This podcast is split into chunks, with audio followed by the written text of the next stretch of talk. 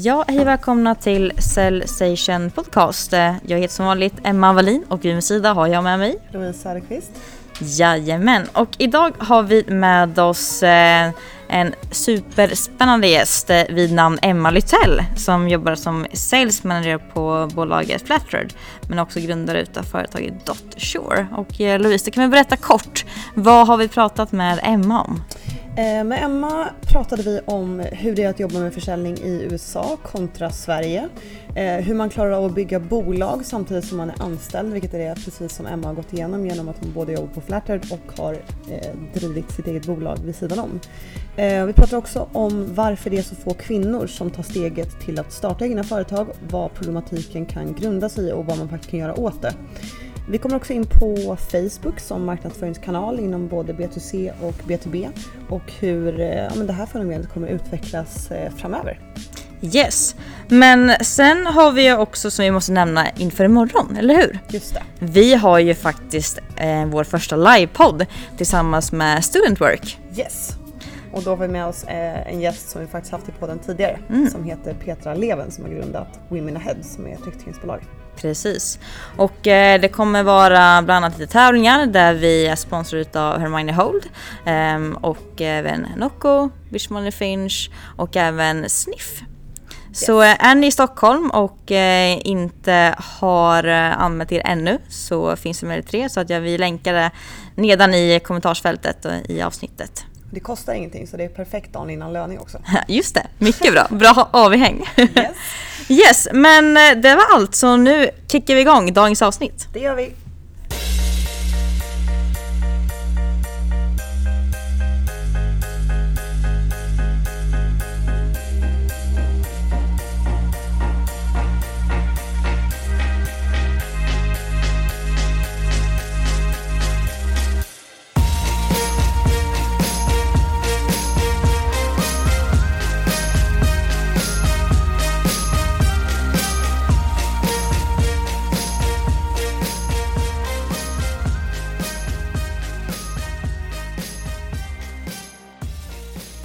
Emma Lytell, varmt välkommen till eh, Cellstation Podcast. Tack så mycket. Kul att ha dig här. Ja, men tack. Och välkommen hem får man också säga. Du har ju varit i eh, Shanghai. Ja, men precis. Nu är jag inne i rätt eh, tidszon igen, känns det som. Mm. Um, ja. Jetlagen är över. Ja, jetlagen är över. Um, jättespännande stad alltså. Har ni varit i Shanghai? Nej, jag har mellanlandat i åtta timmar, men det är det. Ah. Så fly, fly, flygplatsen har jag sett ut, utan och innan. Kan man säga. Jag, har inte, jag har inte varit där, men det är dags att åka dit tror jag. Ja, men jag tror det. Det är populärt så sjukt mycket där borta i Kina.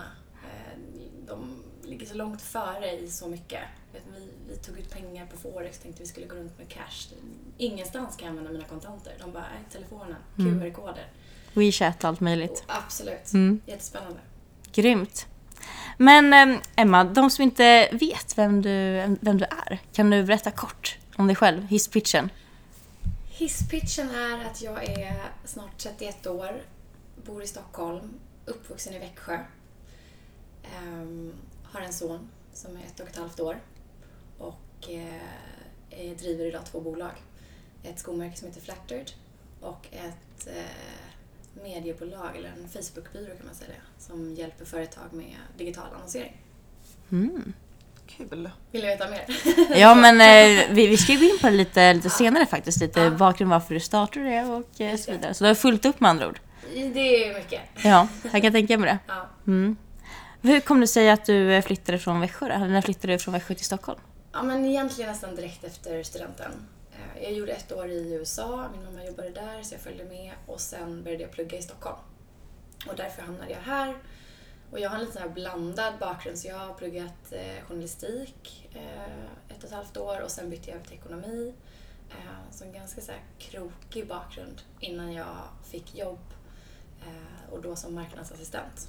Mm. Så att jag skulle från början bli eh, marknadsförare som alla andra tjejer på SUs ekonom ekonomlinje. Just det. Men Emma, berätta om din, om din karriär. Du, du kom in på sälj och hur, hur hände det? Mm.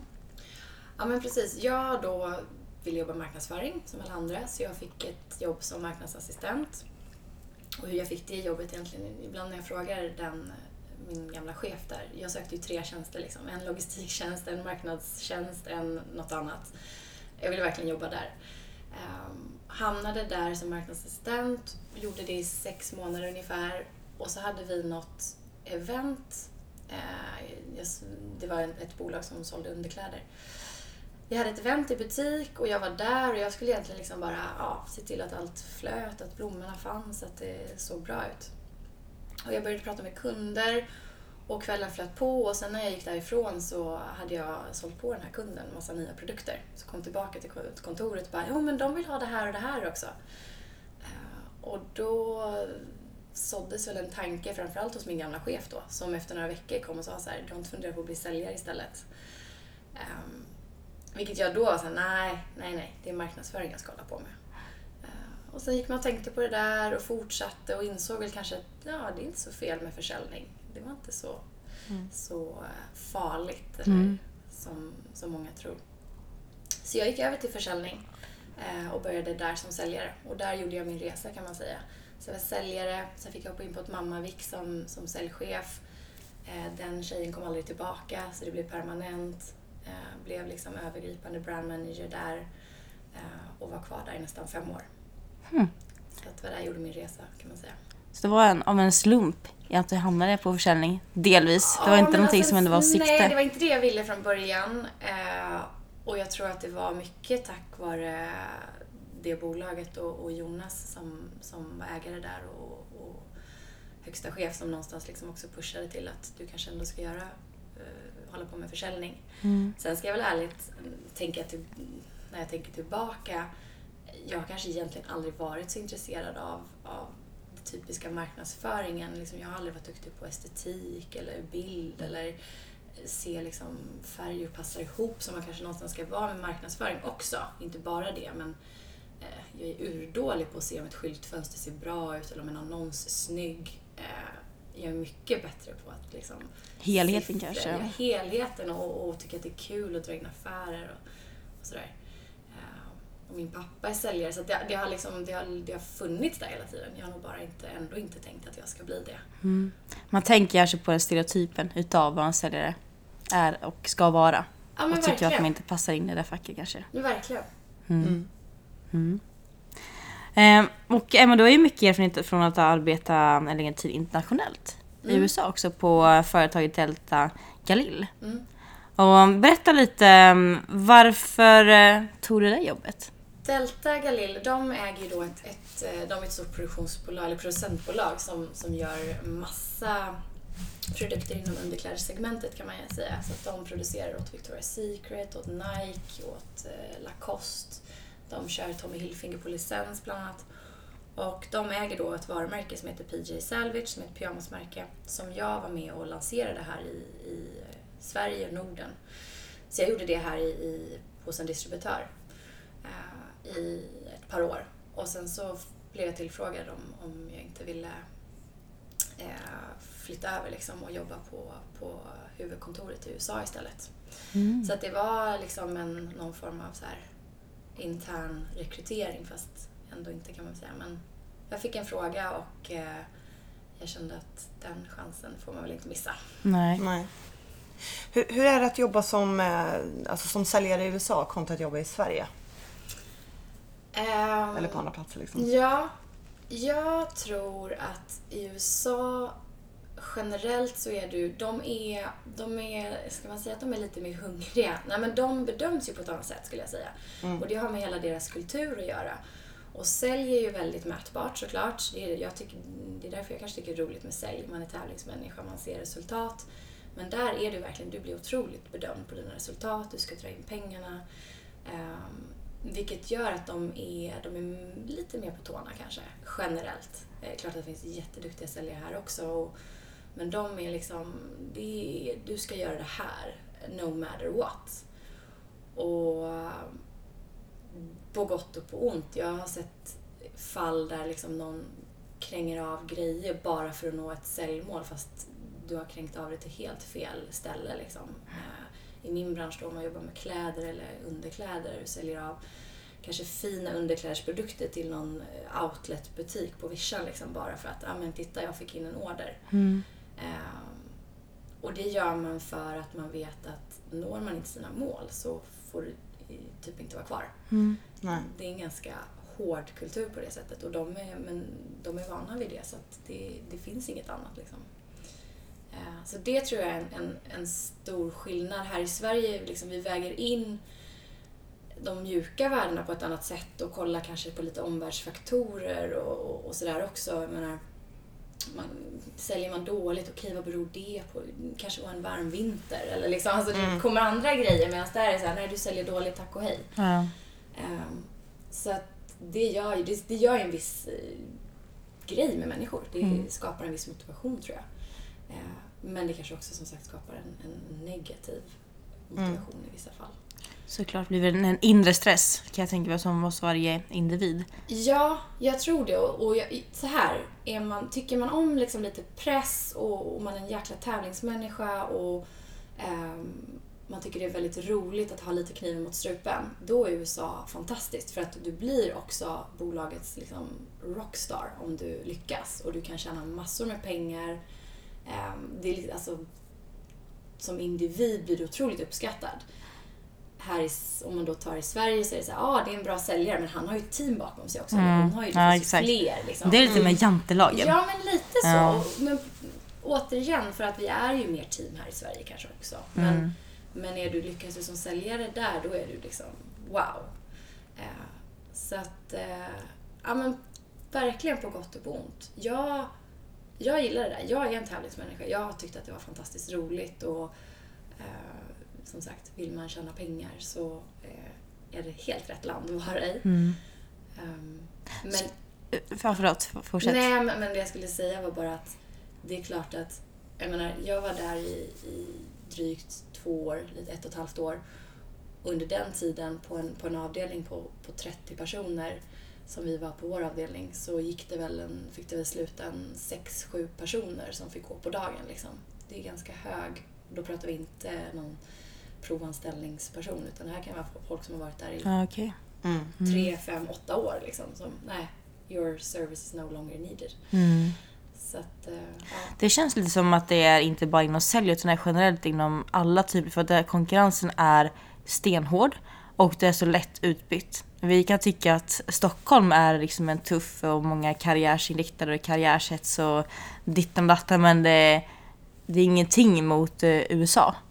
Verkligen, verkligen. Det syns i alla avdelningar och jag tycker att det var väl kanske den första, om man inte bara pratar sälj, utan så kulturchocken. Mm. Att du sitter i ett möte, ett veckomöte typ och, och chefen tar upp, okej vad har hänt här? Och, och kanske frågar någon som, som bör vara ansvarig och den direkt bara, nej men det var hon. Eller det var han.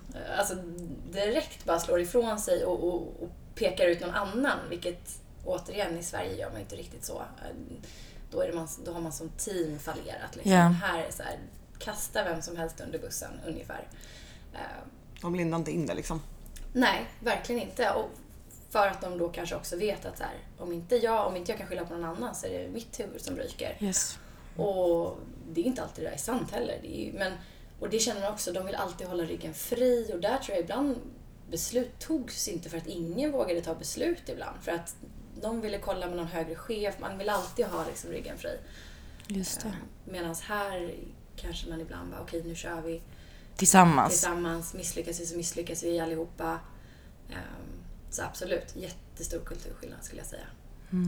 Är det, alltså, är det för att det diskuteras lite alltså, även, även här i Sverige om att ja, men, är det bra som man har det? Som det är inom sälj med liksom, lönemodellen att man har ganska, kanske en lägre grundlön och sen så har man provision över det. Är det ännu mer så i USA att gr- grunden är ännu lägre liksom och att provisionen är, eller förstår du vad jag menar? Mm. Ja, men jag förstår vad du menar. Alltså jag tror absolut att som säljare bör du ha en, en bra motivation, alltså bra rörlig del. Jag, jag tror på det upplägget. För jag tror att ska du lyckas som säljare så behöver du vara liksom hungrig på att dra in pengar till företaget och då också förhoppningsvis hungrig på att dra in pengar till dig själv. Liksom. Mm. Ehm, och ja, generellt så har de så att du har en, en rörlig del som är kanske större än i Sverige. Men det går tillbaka till också någonstans att, att i Sverige så bygger så mycket på din fasta lön. Eh, Alltså vårt samhälle, samhälle någonstans är också då uppbyggt på en fast lön. Jag menar, jag kom tillbaka och skulle köpa bostad i, i Sverige och kanske haft en jättestor rörlig del som de bara, men det spelar ingen roll. Mm. Eh, för det kan vi inte ta hänsyn till. Ehm, eller vad vet jag, föräldrapeng eller alltså allting är ju någonstans inte... Det är bara på grundlön och inte på vad du tjänar utöver. Exakt! Så det är fyrkantigt. Ja men lite så. Och då gör det ju, då förstår jag också att man vill förhandla upp en riktigt bra grundlön om det gör att jag ska få ett större banklån eller inte till exempel. Eh, Så att allting hänger ihop. Men jag, jag tror mycket på den, eh, den lönemodellen. Liksom. Att går det bra, lyckas du, går det bra för bolaget, då ska du ha en större del av det. Det tror jag skapar en ännu hungrigare säljare generellt. Ja. ja, verkligen. För det kan ju vara tufft ibland. Då måste man ändå ha en extra morot att kunna kriga det in i det sista. Liksom, för att man vet att det väntar någonting eh, där, där framme. Men sen är det ju en utmaning att alla inte är pengamotiverade heller. Det tycker jag nästan är det svåraste att eh, personer som kanske har andra faktorer som de motiveras utav och inte pengar. Då är så här, det tycker jag jag upplever mer och mer nu. Eh, det är ju en stor utmaning, men det är en helt annan frågeställning. Ja. Men eh, Verkligen. Så är det verkligen. Men jag tänker om säljarna också. Jo, så är de säkert också. Jag är, jag är så som det jag tror Louise är likadan, att man är pengadriven någonstans. Det är därför som man vanligen kallar in och sälj för att man kan påverka så mycket i sin lön baserat på vad jag själv presterar. Exakt. Det är en trygghet för mig att inte jag ska låta någon annan veta vad jag ska eh, leverera och om jag jobbar mer då kommer jag också kunna belönas mer. Det är upp till mig.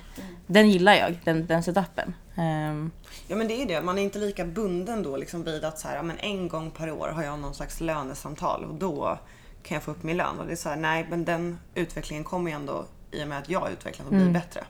Så slipper man sitta och vara låst till det samtalet. Men eh, Emma, du driver idag utöver ditt arbete som försäljningschef på Flatred så driver du också företaget Dotshore som vi kom in på lite här, här i början. Och det är ju superspännande. Hur kom du på idén till Dotshore och varför valde du att eh, starta igång det? Ja men Dotshore föddes ungefär samtidigt som min son föddes, den tanken kan man säga. Ehm, så här var det, vi eh, på Flatter då, skomärket, hade under ett par års tid drivit upp väldigt mycket av vår försäljning via Facebook och Instagrams annonseringskanal. Ehm, vi tog liksom ett styrelsebeslut några år tidigare att det här ska bli vår, vår främsta kanal att synas inom och driva sälj till vår egen e-handel. Och i den vevan då fanns det många andra varumärken som hade liksom lyckats i det prissegmentet. Många pratar om Daniel Wellington och det fanns ett märke som hette Tom Hope och så vidare. Så vi satsade väldigt mycket krut där och eh, jag minns då när jag precis hade fått min son, jag hade varit hemma någon vecka, så ringer Gustav mig då som är VD på Flatter och så säger han något i stil med att jag sitter och kollar på siffrorna och, och bara så du vet så kommer hälften av bolagets omsättning eh, från våra Facebook-annonser. Från Wow. den kanalen. Eh, Och då var det liksom en tanke som föddes lite att det är ju jättebra. Är vi bra på att göra skor eller är vi bra på att göra annonsering? Ungefär. Ehm, och så gick det någon vecka till och så, så ringde någon, en vän till mig, eh, Malin som driver ett klädmärke som heter Bermalina och frågade kan inte ni komma och konsulta lite åt oss? Vi behöver komma igång med den här kanalen. Eh, och där och då föddes en tanke, jo det kan vi väl göra fast inte jag personligen och eh, det ska vara ett fristående bolag. Så då drog jag igång det här tillsammans med, med Gustav också då. På sidan av kan man säga. Och från början var väl tanken bara att vi skulle hjälpa några vänner typ Ja. i branschen. Ehm, och hade inte så jättehöga tankar där precis i början.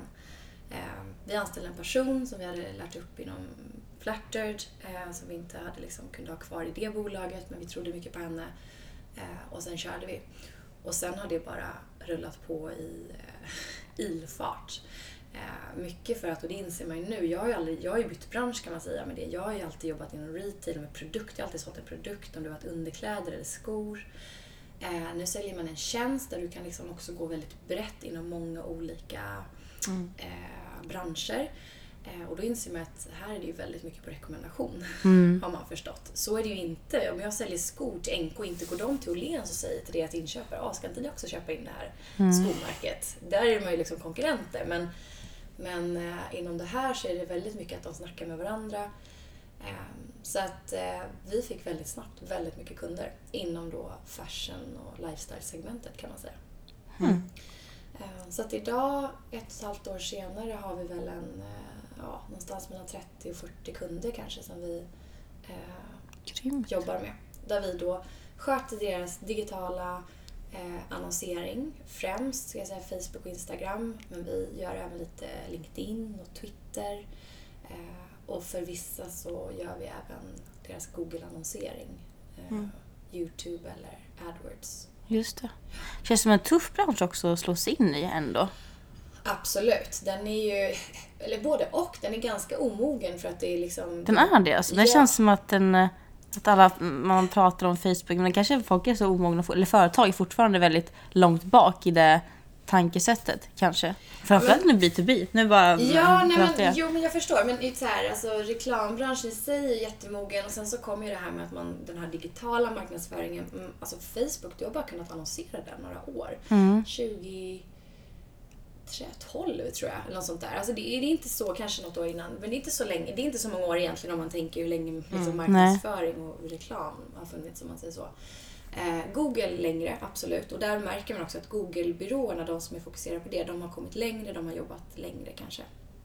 Men just inom paid social som det kallas, alltså de sociala plattformarna, så är det fortfarande en hyfsat omogen bransch. Det finns fortfarande jättemånga varumärken som inte annonserar där. Mm. Ehm, Men där tycker jag vi har sett någonting bara under det här ett och ett halvt året som vi har varit igång. Vilken stor skillnad det har blivit. Hur mycket mer kunderna kan och hur mycket mer de vill synas på den här plattformen. Ehm, Så att mm, bara på det här året har ju konkurrensen ökat otroligt mycket. Just det.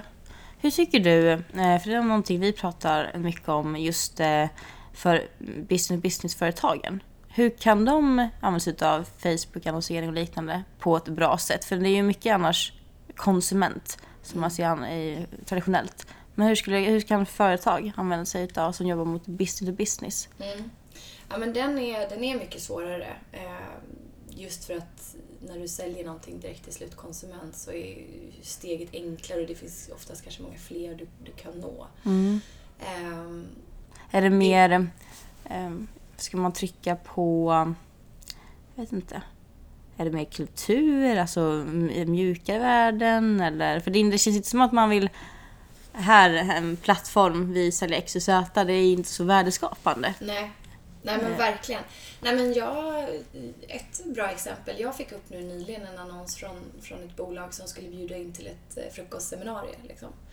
Eh, som jag faktiskt anmälde mig på via annonsen, så där fick de ju en konvertering. Mm, just det. Ehm, så på ett så sätt sprida liksom event och annat som man, då känns det inte så, så säljigt heller. Sen har man chansen då när man väl bjuder in de här marknadscheferna eller e-handelscheferna eller vad det nu är, vem det nu är man vill åt, VDR eller sådär. eh, Att kanske sälja på dem tjänster mer när man, man träffar dem. Ehm, Men oavsett, oavsett vad du säljer så budskapet och det vi kallar själva content liksom, som vi skickar, ut har, blir mycket, mycket viktigare. Eftersom att konkurrensen ökar och du har eh, kortare och kortare tid på dig att snappa upp eh, din mottagare. Man Mm. scrollar ju på ett helt annat sätt idag. Eh, gör ju att det, det du förmedlar måste ju på något sätt få dem nyfikna och då tror inte jag så här, vi säljer den här mjukvaran, Nej. var, köp. Det kommer ingen stanna på. Så det har du absolut en poäng i. Och det, det märker vi, sitter ju mycket med det nu med våra varumärken. Vad, vad ska vi få ut för budskap? För att det går inte riktigt längre så om man tar, om man tar Flatter då som, som var vårt första case kan man säga. Vi kunde för några år sedan bara lägga ut en, en bild på en sko nästan och typ skriva ett pris Mm. och, och folk klickade och var intresserade. Det funkar inte idag. Du Mm. måste ha en mycket mer inspirerande eh, bild eller film eller sådär. Mm. Just det. Jag tänker typ alltså själva alltså business to business delen om man ändå skulle använda sig av typ Facebook, Instagram. För jag tänker må- många personer ändå på, på typ Facebook har ju alltså på sin liksom profil att så här, jag har den här titeln och jobbar på det här bolaget. Är det någonting man använder sig av för att rikta annonser? Absolut. Man gör det? Ja. Absolut. Alltså det ska man ju tänka på att allt du skriver in egentligen i, i Facebook om man säger, all information du lägger in där, eh, om det är din civilstatus, jobbar, boende, vad du, vad du gillar, vilka grupper du är med intressen som du Går jag med i NKs eh, Facebookgrupp till exempel så hamnar jag i ett visst fack. Kanske gillar lyxprodukter då, tycker Facebook eller vad det nu kan vara.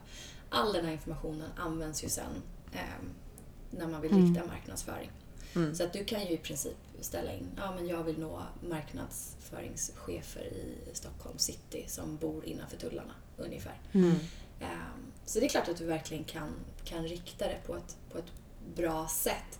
Sen så är det ju då vilka av de personerna är ute efter just din typ av produkt? Och det blir nästa då eh, fråga, för det är inte bara för att du jobbar eller om du är säljchef då och ska sälja på ett eh, en mjukvaruprogram för, för säljprodukter, ja men då måste ju också den personen någonstans vara i, i kanske ett skede. Det handlar ju lite om timing också. Ehm, och den är ju såklart svårare att veta. Så då kanske man mer bara måste jobba med något brandbuilding-aktigt liksom. För att när de väl ska ta beslutet sen så gäller det att ni eller den produkten är top of mind. Just det. Jag har hört någonting om att eh, man har 48 timmar på sig att någonstans man, mä- att man har som mättal från att en person kanske går in och klickar på en annons så har man alltså företag 48 timmar på sig att konvertera till kund. Att under 48 timmar pushas inte så mycket. Eller är det gammalt kanske? Det, det var så det var ba- back in the days. Ja. Eller hur, hur mäter man? Ja, alltså kan, mäta kan du göra på lite olika sätt. Jag tror att vi pratar nog faktiskt om, om längre, det beror, jag tror det beror helt på vad du säljer faktiskt. Jag menar, säljer du bilar så inte Nej, det- du det är klart. 48 timmar Det är klart. kanske. Nej men alltså verkligen. Och, och inte heller, som i mitt fall tar man återigen, nu pratar jag mycket om frakter här med skor som kostar mellan så här 1500 till 3000. Det kanske inte heller för alla är ett spontanköp riktigt där man bestämmer sig på ett dygn eller två. Ehm, vi, pratar om, vi brukar prata om 5 till 7 touchpoints, det vill säga att någon, en kund behöver se våra produkter eller vår produkt 5 till 7 gånger på olika plattformar eller i olika flöden för att de ska konvertera. Just det. Ehm, och då betyder inte det att vi kommer skjuta den här annonsen mot dem fem gånger på, på två dygn. Eh, absolut inte, utan eh, då kanske man menar att man får en annons, sen kanske man eh, i Facebook då till exempel, sen kanske man får upp någon Google Display Ad eller någonting, alltså man kanske ser det i ett annat sammanhang. Eh, och sen jobbar vi, försöker vi jobba parallellt med affiliate marketing eller influencer marketing så förhoppningsvis så ser den här personen också sen skon på en eh, influencer någon dag senare. Eh, och så försöker man liksom bygga ihop det där. Ehm, men jag tror inte på det där längre att man ska bomba ut annonser mot samma person för mycket. För det tror jag alla... Det, den första frågan jag får när jag sitter med kunder är så här, Åh, jag är så trött på den där klänningen som förföljer mig eller den där skon eller vad det Exakt. nu än är. För att man har varit inne och kollat på en produkt och så får man liksom tillbaka den hela tiden. Ja. Så att då gäller det att vara smartare i sin marknadsföring. Ehm, du kan ju istället för att du första gången kanske du visar en, en, en, en film där du ser lite produkter men du också ser människor. Sen så i, i, eh, i reta- om du då klickar vidare och in på sajten till exempel i en retargeting istället för att du då ger dem en produktbild på en sko igen. Ja, men då får du följa med oss in i fabriken. Då har vi en fabriksfilm för att skapa ännu mer så här, så här producerar vi skorna. Skapa en känsla, det här är genuint, det är handarbete. Just för att liksom bygga på och sen kanske tredje eller fjärde gången, då får du se liksom skon och med en prislapp ungefär. Mer storytelling och eh, känsla ja. Mycket mer. Mm. ja. Jag fattar. Intressant alltså. Vad, vad har varit eh, alltså, roligast respektive svårast att ändå bygga upp ett bolag från, från grunden? Um, ska, ska man börja med det positiva eller det negativa? Um, ja, men svårast, om vi börjar med, med det svåraste tycker jag är att prioritera sin tid. Jag tycker ändå alltid att jag har varit ganska bra på att prioritera och liksom se vad, om man tar som säljare, vad, vad finns pengarna liksom? Vad ska jag lägga min tid och energi? Men när man bygger ett bolag så ehm, då, då är det, det är inte bara ett spår. Liksom. Det är inte bara så här, bara dra in pengarna. Det är ju givetvis superviktigt men det är också så här, har jag rätt personal? Ha, ehm, har vi en bra struktur? Kommer det här funka? Nu är vi ju någonstans, om vi i början inte hade så stora drömmar och visioner så har vi ju det nu. Och liksom, hur skalar vi det här på ett bra sätt? Ehm, hur ska jag personligen prioritera min tid? För att i början så var det, liksom, det var jag som drog in alla affärer och det var kanske också någonstans hade de någon form av koppling till mig. Det var liksom, I början var det ju friends and family och sen var det liksom min väns vän. Och, och, så att det var ändå någonstans, jag kände ett väldigt stort ansvar för alla kunder när jag tog på mig. Vilket gjorde att jag då kände att ja, men jag måste vara med i alla möten liksom, för att de vill nog att jag ska vara där. Och vissa gjorde det men andra sket fullständigt i om jag kom eller inte. Nej men lite så. Ja. Att liksom skala bort sig själv i den processen och liksom låta, och låta andra ta över. Eh, den prioriteringen hela tiden jobbar jag med. Eh, fast vi idag har fem anställda liksom, så är det så här, okej, eh, vad ska jag göra bäst av min tid? För det finns så mycket i ett bolag. Eh, och det finns så mycket skitgöra också. Alltså det är ju alltid från så här eh, kont- beställa kontorslampor liksom. Alltså, sånt som också måste göras. Och, och vill man, som vi var inne på, vill man ha bra personal då är det viktigt att man har liksom en, ja, men en bra arbetsplats och, och sånt där. Och det ligger ju någonstans på, på, på ledningen tror jag. Mm, bygga rätt kultur från första början liksom. Exakt. Så den tycker jag är jättesvår och den, den eh, eh, jobbar jag med hela tiden. Eh, roligast? Ja men det finns ju så mycket. Jag tror att du, jag har ju aldrig eh, blivit kanske så glad som jag har blivit när man drar in de första affärerna när det faktiskt liksom är till ens, eh, till ens eget bolag och man ser hela liksom, kedjan. Eh, där du drar in en affär till att du faktiskt betalar ut någon annans lön för att den kom in. Det tycker jag är superhärligt att se. Ehm, och du har ju som, som att driva bolag och entreprenör så har du ju väldigt mycket också eh, stress och press i det där att det ska gå runt. Vilket gör då att eh, lättnaden när du, när du lyckas blir någonstans mycket, mycket större. Än när du lyckas i ett annat bolag där du kanske inte ser baksidan alltid. Ehm, så det, den rewarden är jättebra. Sen såklart också att man, att man bestämmer vart man ska ta företaget, man bestämmer över sin egen tid. Men jag hade det ganska mycket innan också. Så det var liksom inte de främsta grejerna skulle jag säga. Ehm, Hur lyckas du balansera? Du eh, har ju liksom dubbla jobb egentligen och att driva företag det är ju inte... Det, det tar tid, mycket, mycket mer än vad, tid man tror, speciellt i uppstarten. För jag, det jag kan tänka mig att det är många där ute som eh, har idéer om att starta eget men de vågar inte hoppa från sitt egna för eller sitt, eh, där de har anställningen. Men du har ju uppenbarligen lyckats med båda. Bibehålla din anställning och sen kunna bygga upp någonting vid sidan, vid sidan av. Ja, men precis. Ehm, ja. Det Såklart det är ju- ett extremt hårt jobb Ja, men, ja, men- någonstans... Alltså verkligen. Kan man, kan man göra det till en början på, på kvällar och helger och liksom att man är lite föräldraledig och kan göra något vid sidan av och, och sådär. Eh, absolut. Sen så tror jag i, i långa loppet att, att fokus är otroligt viktigt. Och därför, jag är i en process nu där vi, eh, jag kommer eh, sakta men säkert eh, trappa ner min tid lite i Flattered.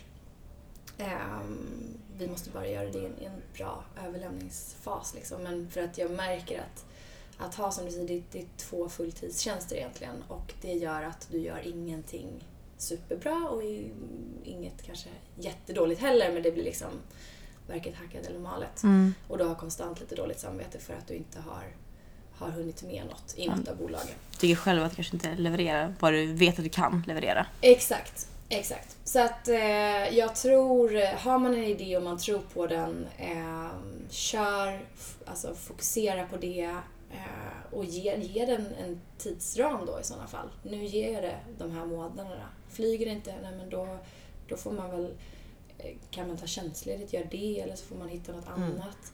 Det tror jag är den en stora fördelen med, med vår, eller kanske de som är yngre än mig, alltså den yngre generationen, att de är inte lika rädda för att eh, säga upp sig eller förlora jobbet. För de har lite mer så här, då tar jag något annat. Mm. Ehm, så kanske inte ehm, min eller den äldre generationen riktigt tänkt utan de är så här, men nu har jag det här jobbet och eh, tänk om jag inte eh, lyckas med det andra, vad ska jag göra då? Ja, men då finns det något annat. Just det. Mm. Mm, och eh, men, mycket varför vi startade podden är ju för att vi vill få in fler kvinnor till eh, försäljning och starta egna företag och liknande. Men eh, vad, vad kan vi göra för att fler kvinnor faktiskt tar det här steget? Vi har varit lite inne på det, på det nu, så det är en snygg, snygg övergång. Vad, vad kan vi göra till att... Ja, men jag tror, är du kvinna och går i de tankarna, eh, börja, försök börja umgås med folk som, som har startat och har testat. Eh, det var nog så, det var nog därför jag också startade bolag faktiskt. Jag har aldrig från barnsben haft en dröm om att jag ska bli entreprenör. Utan det var först när jag kom tillbaka från USA, flyttade hem till Sverige, klev in då som delägare i Flattered och, och liksom började umgås med, med folk som drev bolag. Eh, och såg att det är inte så svårt. Eh, för är man nära det där och ser det där, eh, då är steget mycket, mycket enklare. Eh, och är man inte nära det just idag, ja men försök kolla upp och börja prata med, med folk och vänner och då kan säkert de, ja men hon har startat något eller um, allt det där, börja, börja prata lite, börja Mm. fråga Mm. runt, skicka ut lite signaler. Jag tror stenhårt på det här The Secret, men ni vet när man bara ska så här, put it out there. Mm. Ehm, fråga någon, säg till din bästa vän, gud vad det skulle vara kul att starta bolag. Då kanske hon säger, ja men jag, jag har en kusins bekant som har gjort det, ni borde träffas. Eh, och börja liksom Mm. umgås nära. Eh, och då kanske man inte behöver gå på liksom de som, startar, de som nu är miljardbolag Nej, utan exakt. gå på någon som, som har en lite mindre firma med några anställda och se hur funkar det liksom. Mm. Jag tror att många också kanske alltså, drar sig för att göra det för man känner att så här, ska jag börja prata om att starta bolag så behöver jag ha en idé. Jag behöver ha typ alltså att man, att man väntar för länge med att gå ut och typ Testa nätverka och egentligen. researcha lite också. För att men, så här, jag har ingenting att komma med. Jag vet inte ens vilken, vad det är för typ av bolag jag vill starta. Men, Nej. men jag tycker det är ett jättebra tips att, så här, att man ska göra det även när man bara har fått ett sug efter att göra det på något sätt. Liksom. Mm. Verkligen. Och jag, det jag tycker jag märker när man träffar mycket entreprenörer och folk som driver bolag är att den första idén folk hade, det är kanske inte den som, de, som är bolagets affärsidé längre. Exakt. Det där skiftar jättemycket. Alltså, ja, det kanske var det man gjorde den första månaden. Sen insåg man att behovet var något annat och så har Ja. man ändrat om och styrt om. Och man byggde en app för något som sen blev en app för något helt annat. Alltså, ehm, idén såklart kan vara viktig men jag tror inte att det är det viktigaste för att du ska lyckas. Mm. Nej, det är väl nummer ett egentligen teamet som vi pratade om tidigare. Verkligen. Mm. Jag har en till fråga jag vill ställa till dig. Och det är vem du tycker att vi ska bjuda in som gäst till den här podden och eh, varför. Mm. Eh, då tycker jag att ni ska bjuda in eh, en tjej som heter Rebecca Stensson som är VD på Spalt PR. Mm. Hon är en grym säljare utan att riktigt vara säljare också om man säger så. Rebecka Stensson. Ja, Noterat. hon, eh, hon jobbar ju liksom med, med, med kunder där hon tar hand om, om bolag och deras PR och marknadsföring. Men sen ska hon också då sälja på de här kundernas produkter in i, liksom i tidningar eller i medier. Mm. Så att, eh, hon, hon säljer åt båda hållen. Hon är grym. Grymt. Du får ett samtal där senare i veckan. Em, Emma, stort, stort tack för din medverkan i Station Podcast. Men tack själva. Tack så Kul att få komma hit. Ja, superkul att uh, ha dig med. Och kära lyssnare, vi hörs igen i nästa vecka med ett nytt avsnitt. Så ha det så bra tills dess. Ha det bra. Hejdå. Hej då!